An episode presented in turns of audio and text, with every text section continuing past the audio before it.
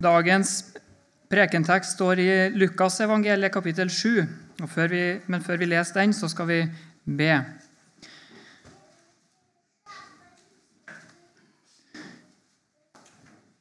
Himmelske Far,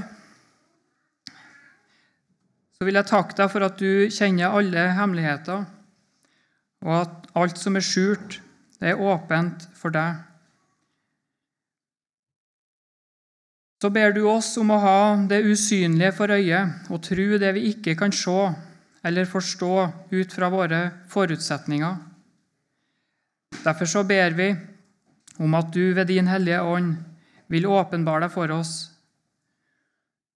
så vi ikke bedrar oss sjøl, men ser det som du ser, og som du må åpenbare for oss, som du må gjøre klart for den enkelte av oss. Så takker jeg deg for det vi allerede har hørt,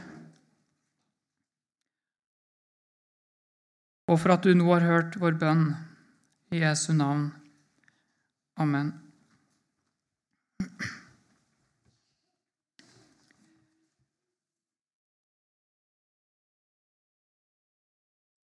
Evangelieteksten er fra Lukas evangelium kapittel 7, vers 11-17, og vi leser i Jesu navn. Dagen etter skjedde det at han dro til en by som heter Nain. Mange av hans disipler og mye folk gikk dit sammen med ham. Da han nærmet seg byporten, se, da ble en død båret ut. Han var sin mors eneste sønn, og hun var enke. Mye folk fra byen var med henne. Da Herren så henne, fikk han medynk med henne, og han sa:" til henne, gråt ikke. Så gikk han bort til og rørte ved båren. De som bar den, stanset, og han sa, Unge mann, jeg sier deg, stå opp. Da satte den døde seg opp og begynte å tale, og han gav ham til hans mor. Alle ble grepet av frykt og de priste Gud og sa:" En stor profet er oppreist iblant oss, og Gud har gjestet sitt folk. Og dette ordet om ham kom ut i hele Judea og i hele landet der omkring.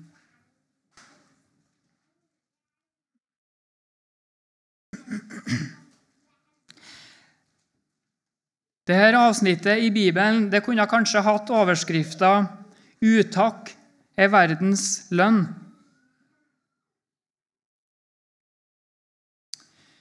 For om Gud gir oss sønner og døtre, mødre og fedre, legemlig opphold og helbred, arbeid og fritid, regn og sol, ja, så takker vi Han ikke så priser og lover vi ikke Hans navn sånn som Hans navn og Hans gjerninger krever. Men tar Han fra oss noe av det som vi har fått, så blir vi straks mørk og trist, full av bekymring og klage mot Gud i våre hjerter. Så roper vi vår nød til Gud og ber om at Han straks må gi tilbake til oss det som Han for ei stund har tatt fra oss det som vi ikke engang takka og prisa Hans navn for så lenge vi hadde det. Av det kan vi se at våre rop og bønner til Gud ikke alltid er en frukt av en sunn og sterk tro til Gud, men snarere en frukt av utakk og egoisme eller vantro og tvil. Det samme ser vi òg hos verdens barn mange ganger. Mennesker som ikke har for vane å omgås Gud eller tro på Han, så fort nøden og mangelen blir stor, så bes det bønner til Gud om befrielse. Altså ikke en bønn som springer ut fra et hjerte som stoler fullt og fast på Gud. Det er ikke et hjerte som hviler i Gud og venter alt godt av Han. Men det er et hjerte, et menneske, som for et øyeblikk har mista fotfestet, som har mista kontrollen, som det trodde at det hadde. Mennesket har levd og mottatt utallige gaver og velsignelser fra Gud, men ikke takka, æra og trodd Han for det. I stedet har det kanskje trodd at det var hans egen fortjeneste, sin egen klokskap og flittighet som var årsak til at det gikk han godt i livet. Men om Gud så for et øyeblikk tar tilbake ett eller flere av sine gaver, så er han ikke straks klar til å ta ansvar for det sjøl, men gir nå Gud skyld og bebreidelse. Utakk er verdens lønn.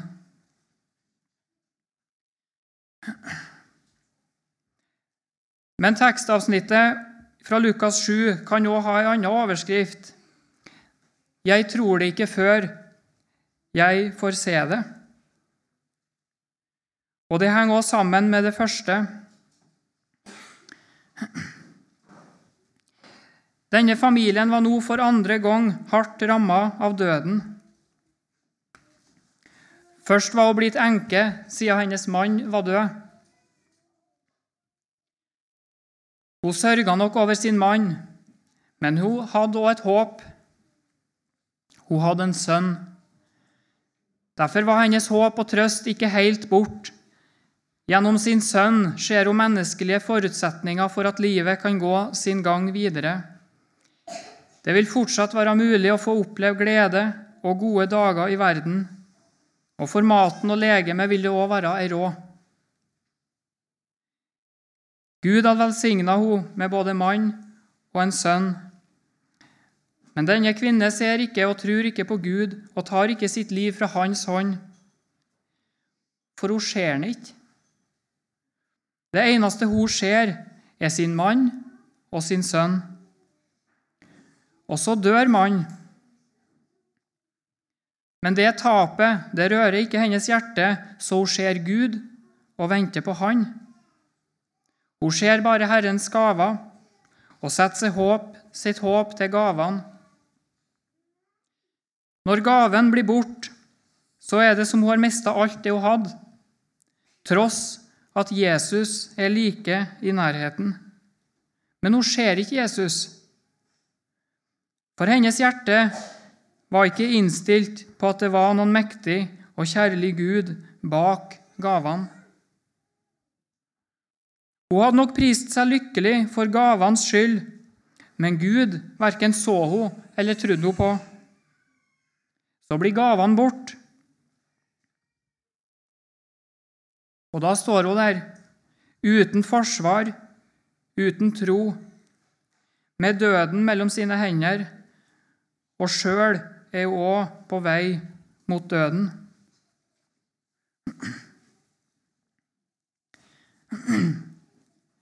Jeg tror ikke før jeg får se det, eller med litt andre ord Denne kvinne tror bare det hun kan se med sine øyne. Så lenge hun hadde mann og sønn, så hadde hun òg tro til disse. Men så avgår begge med døden, og da dør vel òg samtidig hennes tro? Nei. Men også nå er hennes tro knytta til det hun ser, nemlig døden.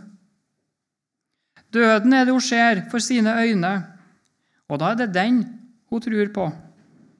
Det vil si, hun er overbevist om at døden er den største makt, og hun er fullstendig overgitt til døden. Hun har sett med egne øyne at mann og sønn er innhenta av døden.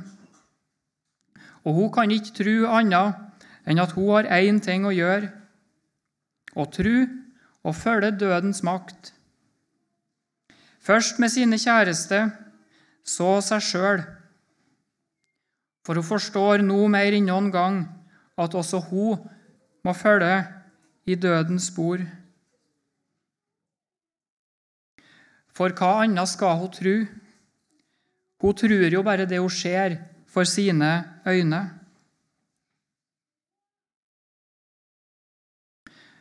Kort sagt, her går det ei kvinne som har mottatt store velsignelser fra Gud, men hun har ikke trodd han og takka han for det. Så ta gavene fra henne, og hun har bare døden for sine øyne. Så er det døden hun ser, og det er døden hun følger.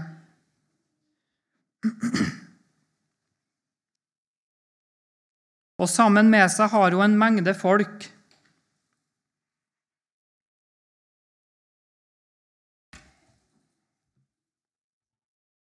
Mye folk fra byen var med henne.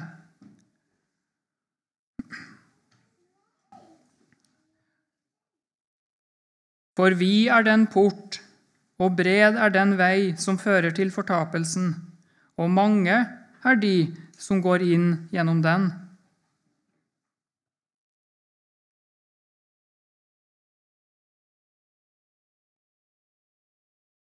Profeten Jesaja spør i kapittel 53, 1, Hvem trodde det budskap vi hørte, og for hvem ble Herrens arm åpenbart? Ja, vi kan godt stille det spørsmålet. Hvem trodde det budskapet vi hørte? Et budskap er jo ikke noe vi kan se med våre øyne, så derfor så tror vi det heller ikke.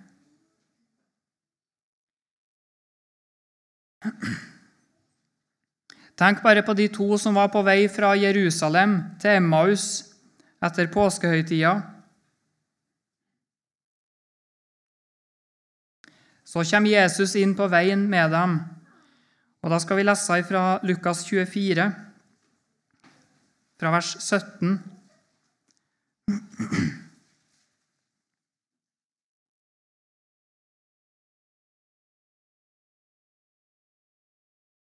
Han sa til dem, Hva er det dere går og samtaler om på veien? De sto da stille og så bedrøvet opp. Den ene av dem, som het Kleopas, sa til ham, Er du den eneste av dem som oppholder seg i Jerusalem, som ikke vet hva som er skjedd der i disse dagene? Han sa da til dem, Hva da? De sa til ham det med Jesus fra Nasaret en mann som var en profet, mektig i gjerning og ord for Gud og hele folket, og hvordan våre ypperste prester og rådsherrer overga ham til dødsdom og korsfestet ham. Men vi håpet at han var den som skulle forløse Israel, og nå er det alt tredje dagen siden disse ting skjedde. Men så har også noen av våre kvinner forferdet oss. Tidlig i dag morges var de ute ved graven, men de fant ikke hans legeme. Så kom de og fortalte at de hadde sett et syn av engler som sa at han lever. Noen av dem som var med oss, gikk da til graven. De fant det slik som kvinnene hadde sagt, men ham så de ikke. Da sa han til dem:" Så uforstandige dere er, og så trege i hjertet til å tro alt det som profetene har talt. Men ham så de ikke. Nei, hvem trodde det budskapet vi hørte?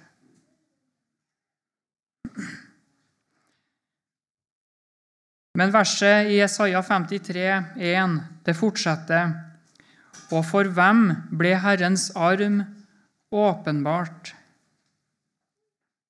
Og det er så viktig for oss å være klar over at det må til en åpenbarelse. Du kan bruke de evner og anlegg som du er skapt med, og forstå mye av det som har med Guds rike å gjøre. Men det er ikke det samme som at du ser det. Det er ikke det samme som å ha fått det åpenbart. Du må be Gud åpenbar for deg det Han vil ha åpenbart for deg. Og det er flere ting Han vil åpenbare. Og den veien som Gud kommer til å føre den enkelte av oss, vil være forskjellig. Men det står et ord i Jeremia kapittel 1, vers 10, som gir oss et innblikk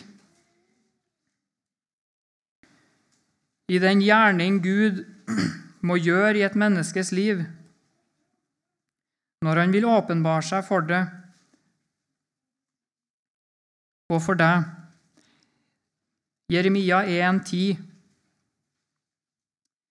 Se, jeg setter deg i dag over folkene og over rikene til å rykke opp og rive ned, til å ødelegge og bryte ned, til å bygge og til å plante.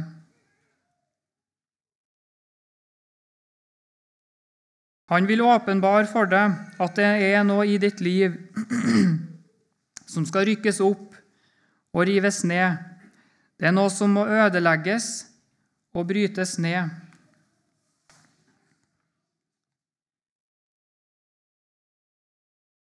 Så når du møter motgang eller nød, ja, når dødens krefter gjør seg gjeldende,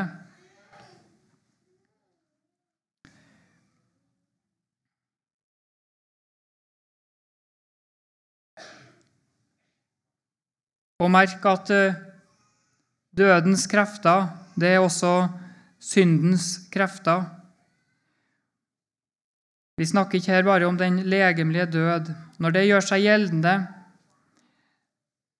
det være seg av indre eller ytre karakter, så er det avgjørende at ikke du forarges på Gud eller på andre mennesker som du opplever motgang og plage gjennom men at du ydmyker deg for Herren og ber at Han vil vise deg hva det er Han vil ha åpenbart for deg. Får ikke Herren åpenbart seg for deg personlig gjennom sitt ord, og det Han gjør og sender deg i livet, så blir du ikke frelst. For endemålet for Gud, det er å åpenbare sin frelse og nåde for deg. Og den kan ikke du gå glipp av skal du bli frelst.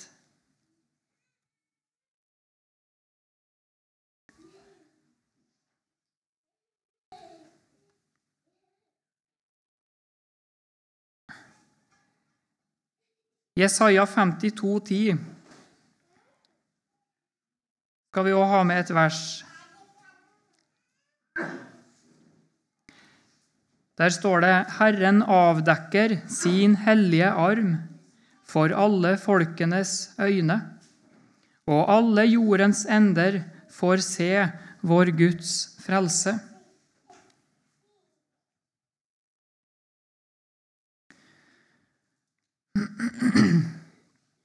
Jeg kan ikke sette opp skjematisk for deg hvor og hvordan eller når Gud åpenbarer seg for deg.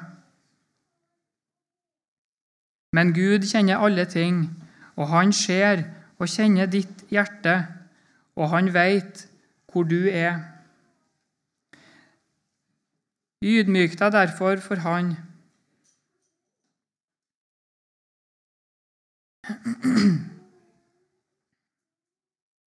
Det står egentlig ikke så mye om enken fra Nain.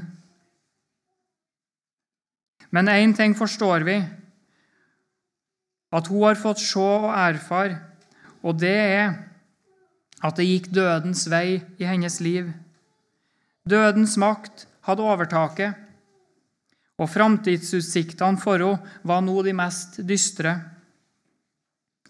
Hun hadde heller ikke krefter eller egne midler til å befri seg sjøl fra dødens makt i livet. Det er hennes situasjon. Hun er på det dypeste i sitt liv. Og Gud vil faktisk at du skal komme til den samme erkjennelse og stilling i ditt liv.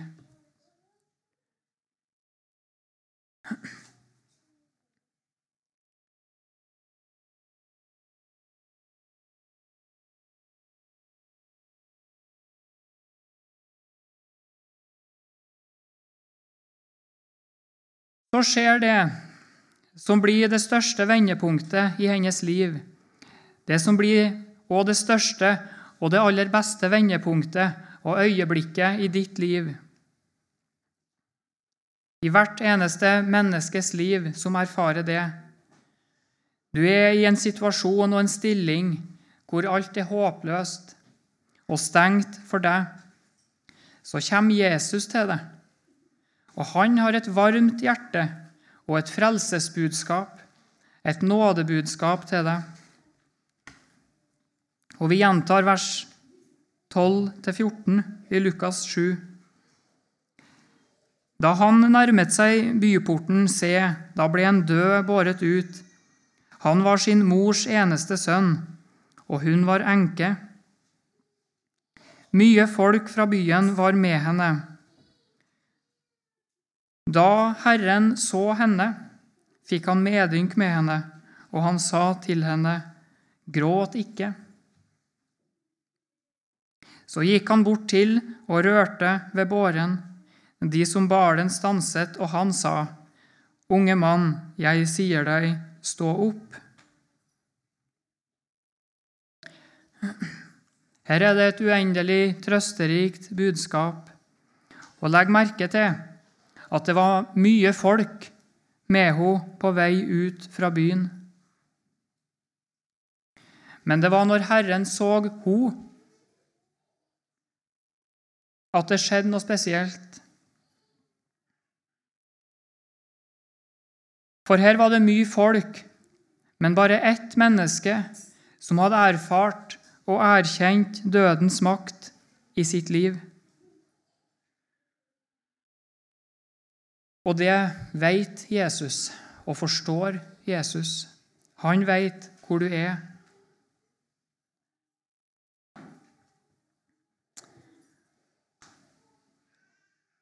Og straks han ser henne, så fikk han medynk med henne og sa til henne Ser du det gjentas? Er det fire ganger? Tre ganger i vers 13. Han så henne, fikk medynk med henne og sa til henne, gråt ikke.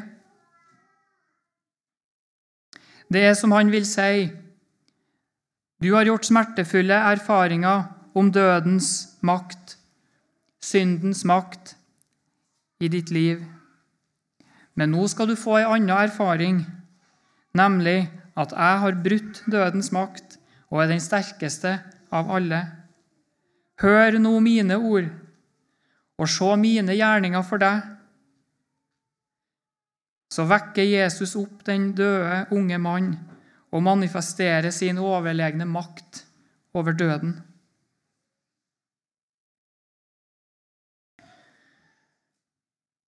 Så må vi be, gi meg troens klare blikk på Jesus.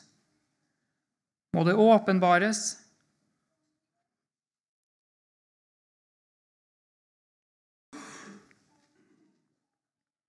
For de færreste av oss har slike store opplevelser som denne kvinne fikk.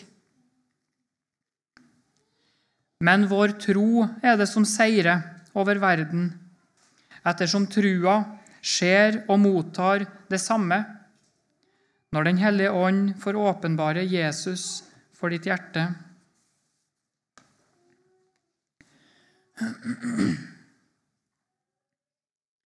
For det er så avgjørende at Gud får åpenbart for deg det Han vil ha åpenbart i ditt hjerte. For det hjelper ikke om du da i negativ forstand følger med i en flokk som tilskuere, som registrerer og forstår syndens makt og dødens makt hos de andre. En stor mengde folk fulgte med.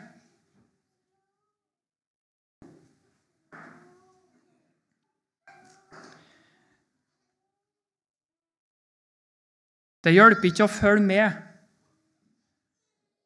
hvis du ikke får det åpenbart. For eh, legg merke til det som skjer videre. En liten setning hvor det står i vers 15 Da satte den døde seg opp, og han begynte å tale, og han ga henne til hans mor. Det var kun denne kvinne som fikk livet tilbake gjennom det Jesus gjorde og sa. Ikke hele flokken som fulgte med, for de var bare tilskuere. Og du er vel ikke bare en tilskuer?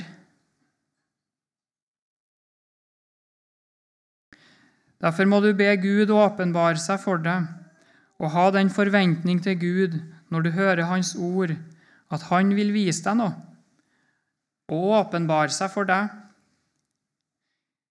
Kun da vil du òg kunne motta nåden, frelsen, livet, og motta og erfare livets konsekvenser i ditt liv. For en stor profet er oppreist iblant oss, og Gud har gjestet sitt folk. Og denne profet er Jesus. Hør Han, ydmyk deg for Han og tru Han og lev ditt liv tett inntil Han, som er livets kilde. Amen.